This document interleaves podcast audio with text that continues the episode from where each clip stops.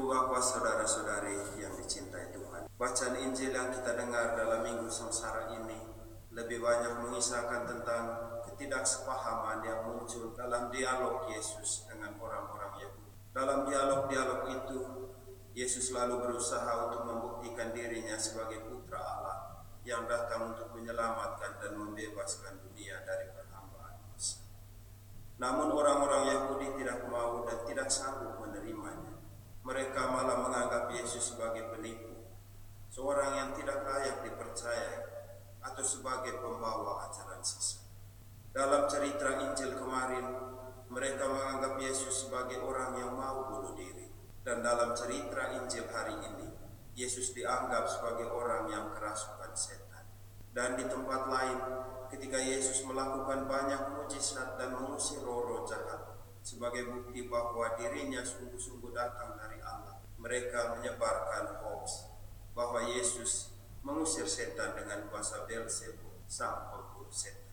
Dialog itu pada akhirnya tidak menemukan kata sepakat Yesus tidak berhasil meyakinkan orang-orang Yahudi yang ada malah pertikaian yang semakin memanas dan memicu emosi. Orang-orang Yahudi mengambil batu untuk melempar Yesus, tetapi Yesus menyelamatkan diri dan menghilang dari bait Allah.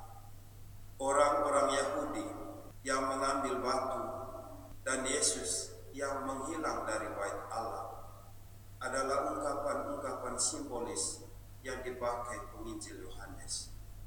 Batu yang dipegang oleh orang-orang Yahudi adalah simbol kekerasan hati mereka yang menganggap diri paling benar dan paling sempurna, serta ketidaklenturan mereka untuk menerima cara pikir dan, dan cara pandang baru dalam hidup beragama. Sedangkan Yesus yang menghilang dari bait Allah adalah simbol terusir dan lenyapnya Allah dari sikap hidup beragama semacam itu. Ada paling kurang tiga pesan penting dari cerita Injil ini untuk kehidupan sosial dan kehidupan spiritual kita. Pertama, sikap menganggap diri paling benar dan paling suci selalu menjauhkan kita dari kebenaran dan kebijaksanaan. Salah satu ciri orang yang menganggap diri paling benar dan paling suci adalah selalu ingin terlihat dan tampil bijak. Dan sayangnya, hal itu sesungguhnya membuat dia terlihat sangat tidak bijak. Tidak bijak karena ia selalu menyalahkan orang lain atas kesalahannya. Karena ia sering mencari dan membicarakan kesalahan orang lain. Cenderung defensif kalau mendengar masukan atau pendapat yang berbeda dalam bahasa Injil Yohanes, orang seperti ini cenderung mengangkat batu untuk melempari orang lain yang berbeda pendapat dengan dia.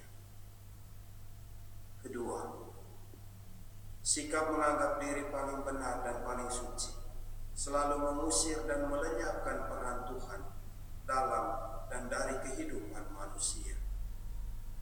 Orang yang merasa diri paling benar dan paling suci selalu merasa diri sebagai orang yang paling dekat dengan Tuhan atau sebagai pewaris surga. Ia merasa demikian karena ia setia dan taat menjalankan ajaran, aturan dan hukum-hukum agama yang diwariskan turun-temurun dan sudah lama.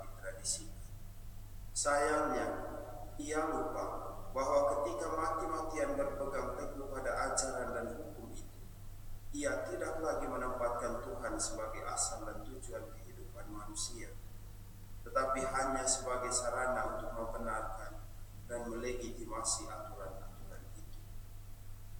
Karena itu baginya, segala aturan keagamaan harus detil, eksak, dan pasti. Aturan tidak boleh dipertanyakan, dibantah, apalagi dibatalkan.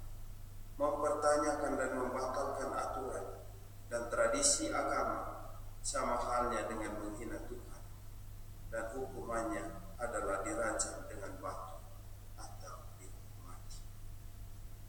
Dan dengan itu sesungguhnya ia sedang mengusir Tuhan dari kehidupan dan agamanya. Ketiga, orang-orang yang merasa diri paling benar dan paling suci tidak perlu dijauhkan atau dikucilkan. Perlu membangun dialog dengan mereka. Pilihan menghindari mereka diambil ketika segala sesuatunya tidak memungkinkan lagi. Ketika hari ini kita kembali mengkarantina diri, baik juga kita bertanya diri, apakah saya termasuk orang yang merasa diri paling benar atau paling suci? Tuhan menuntun dan membimbing kita untuk menemukan